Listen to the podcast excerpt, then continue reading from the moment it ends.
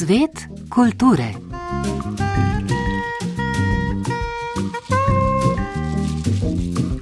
Drage poslušalke, dragi poslušalci, lep pozdrav. Ko se vprašanje gole eksistence zaleti v nepredvidene in katastrofalne okoliščine, težje mislimo na drugega. Prav zato potrebujemo gledališče, so zapisali v predstavi o agoniji hrvaškega pisatelja Miroslava Krleže, ki jo bodo premjerno uprizorili v Vili Zlatici v Ljubljani. Za lepoto in radost trenutka, lepši in srečnejši svet, pa je popotnica koncerta zbora Slovenske filharmonije vse, kar ljubi. Na sporedu bodo dela in Mondo Numeriko Boljane Šalič Podešva, prekletstvo nad železom estonskega skladatelja Velja Tormisa in več skladb Lojzeta Lebiča. V oddaji tudi o uprizoritvi čarobne pokrajine Gorjancev, predstavo za mlade po motivih bajk in povesti Janeza Trdine si bo mogoče ogledati v Cankrevem domu.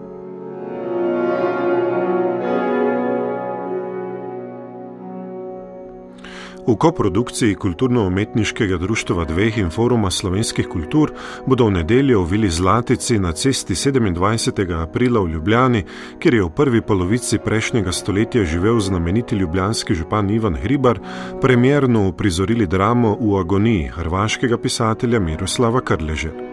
Delo je prevedel Andrej Inkret, v glavnih vlogah nastopajo trije vidni igralci ljubljanske drame: Polona Juh, Boris Mihal in Saša Tabakovič. Staša Grahek je pred mikrofon povabila režiserko predstave Nino Šorak, ki je najprej povedala, da je bila Vila Zlatica idealna možnost za uresničitev zamisli, da bi Krleževo igro postavili čim bolj realistično. Hkrati pa je bil to tudi poseben izziv. Nina Šorak. Uh, ja, seveda, poseben izziv je praktično zato, ker to ni gledališče. In uh, jaz sem zelo hvaležna, da so nam v Vili Zlatici odstopili ta prostor, je pa res, da je bilo tukaj potrebno tudi dost prilagajanja in z naše strani in z njihove strani, ampak smo se zelo dobro nekako sporazumeli in ujeli. Gre za to, da so tam zaposleni ljudje, ki imajo svoj delovnik, um, za katerega smo mogli mi nekako predvideti, dokdaj približno traja, kdaj lahko mi zasedamo te prostore, da jih ne bi motili, um, kdaj lahko prinesemo svojo scenografijo noter. Druga stvar je to, da je večina gledaliških prostorov so temne črne škatle. Se pravi, ti lahko vadiš kadarkoli v dnevu in imaš to iluzijo, ki jo um, gledališki prostor ustvarja. V vili oziroma v nekem stanovanju so pa okna, kar pomeni, da sončna svetloba prihaja noter takrat, ko je dan in recimo naše vaje, ker so večinoma bile v popodanskih eh, terminih, nam niso mogle dati dejanske atmosfere predstave, ki se bo dogajala zvečer. Se pravi, smo mogli tudi loviti noč, da smo lahko recimo postavili eh, luč, da je pač lučni oblikovalec lahko sploh določil nekak eh, postavitev svetil in tako no. Ampak ja, izziv, hkrati pa, hkrati pa res neki, nekaj vznemirljivega, no. nekaj, nekaj novega, čisto v smislu tega, kako, kako dojemamo prostor, kako dojemamo igro, ki je v resnici tako blizu, igralec stoji pol metra stran od mene, se pravi, čutim dih, vidim vsak trezljaj. To je bil recimo nek, nek svoj vrsten izziv in za me in za igralce. Krleževa igra je stara sto let, postavljena je v čas po razpadu Ostrogorske monarhije. Gre za trikotnik, ki se odvija znotraj oboženega plemstva, ki nekako ga je povozil čas. Kaj pa je vas pri Krleži najbolj zanimalo?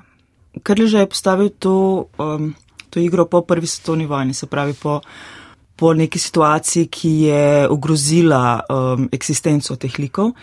In najbolj me je zanimalo to, kako v kriznih situacijah človek zaradi nekega nagona po preživetju najverjetneje izbruhne v svojem egoizmu.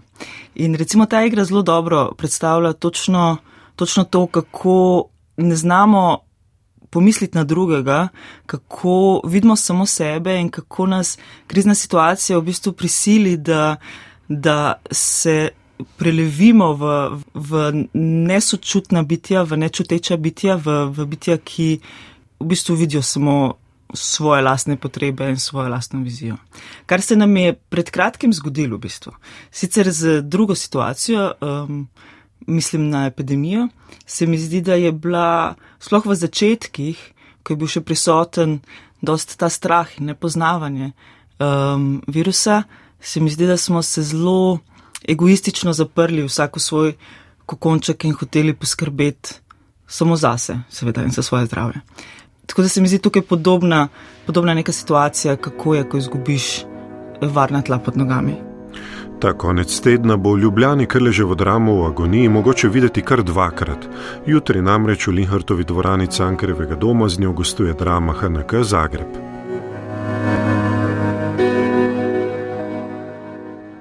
V Kozinovi dvorani Slovenske filharmonije se bo drevi začel četrti koncert pretežno vokalnega cikla. Na sporedu bodo skladbe treh skladateljev, ki jih bo zbor Slovenske filharmonije izvedel pod vodstvom dirigentke Jerice Bukovec, Ana Marija Štukel Kuzma.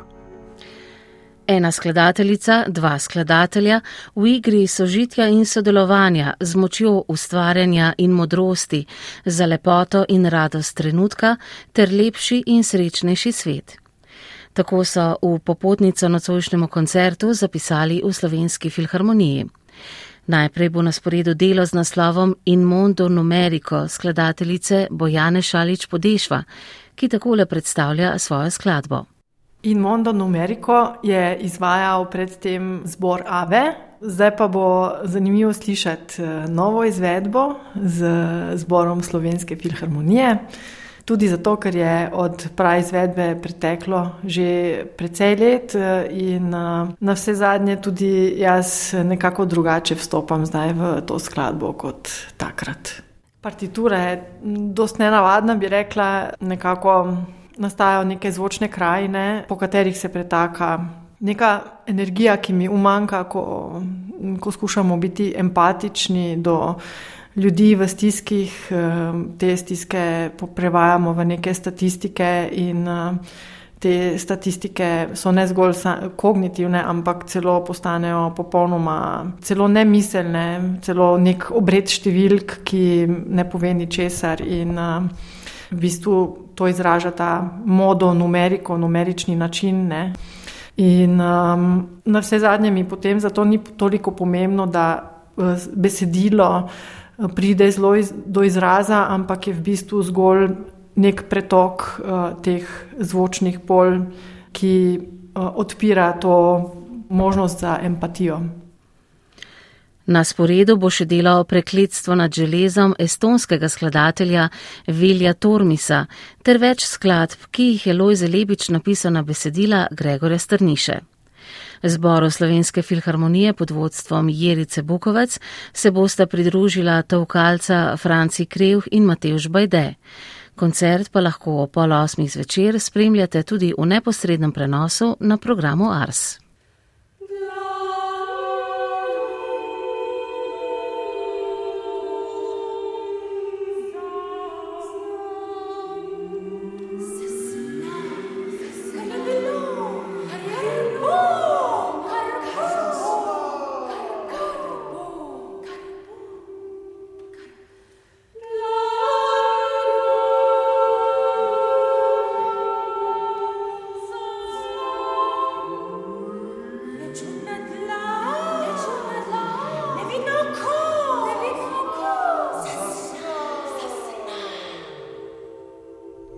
Zdaj pa v čarobno pokrajino Gorjancev.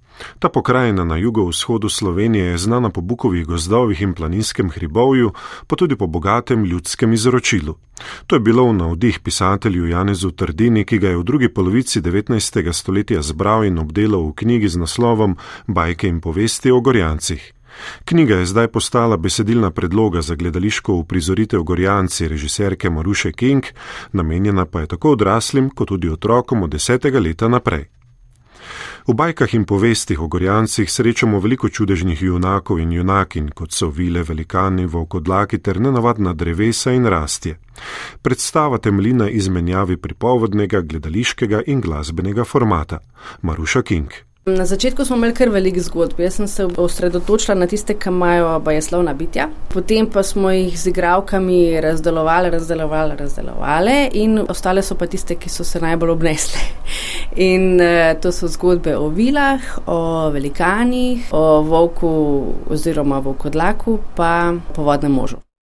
Ker sta tako pripovedno izročilo, kot tudi sama knjižna adaptacija časovno oddaljeni od sodobnosti, režiserka razlaga, kako so obdelali material za predstavo. Trdina je hodil po Gorjancih in je nabiral material. On je nabiral tudi ene drobce, nekih legend, ali pa tudi sprav piše, s katerimi um, ljudmi se je pogovarjal, pa kdo mu je kaj povedal, pa pa mu je še kdo drug na isto temo nekaj čez drugega povedal, pa potem on to mal po svoje preplete. In potem še splete zraven svojo zgodbo, ne? ali da okvir drugačen, ali jo nadaljuje. In, tako, in v bistvu smo iskali, kaj je bil tisti osnoven material, ki ga je on nabral, iz katerega je izhajal pa kaj je tisto, kar je on potem dodal. Tako da včasih tega njegovega, kar je on razpletal, nismo uporabljali, ampak smo dodali svoj razplet. Glasbo v predstavi je ustvarila Zvezdana Novakovič, pevka, umetnica in harfistka, ki povezuje starodavne ritme in harmonije s sodobno plesno in elektronsko glasbo. Kot pojasnjuje, se v predstavi le spogleduje z glasbeno tradicijo gorjanskega izročila. Mogoče se sam spogledujem z tradicijo vokalnega ljudskega petja, kot so uh, ritualne pesmi pri kresu, naprimer postopki, kot je kanonsko petje, neke repeticije, kot eh, neki rituali. Ampak eh, glasbeno pa se ne nanašamo na nobeno ljudsko pesem, tudi tekst je nov, tako da vse je absolutno sodobno nastavljeno s spogledovanjem s tem starim, avtentičnim. Poleg zvezdane Novakovič bosta na odru nastopili še igralki Nataša Keser in Urška Kavčič, avtorica koreografije je Ana Pandur. V soboto zvečer na odru štihuje dvorane Cankarjevega doma.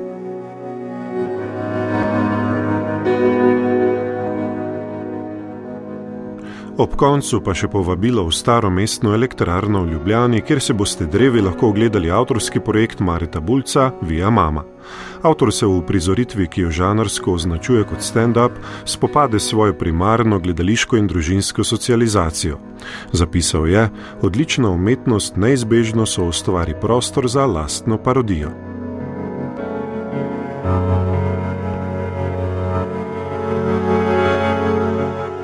Podajo svet kulture pa sva so ustvarila oblikovalec zvoka Robert Markoč in Aleksandr Čobec, ki sem jo tudi vodil. Srečno!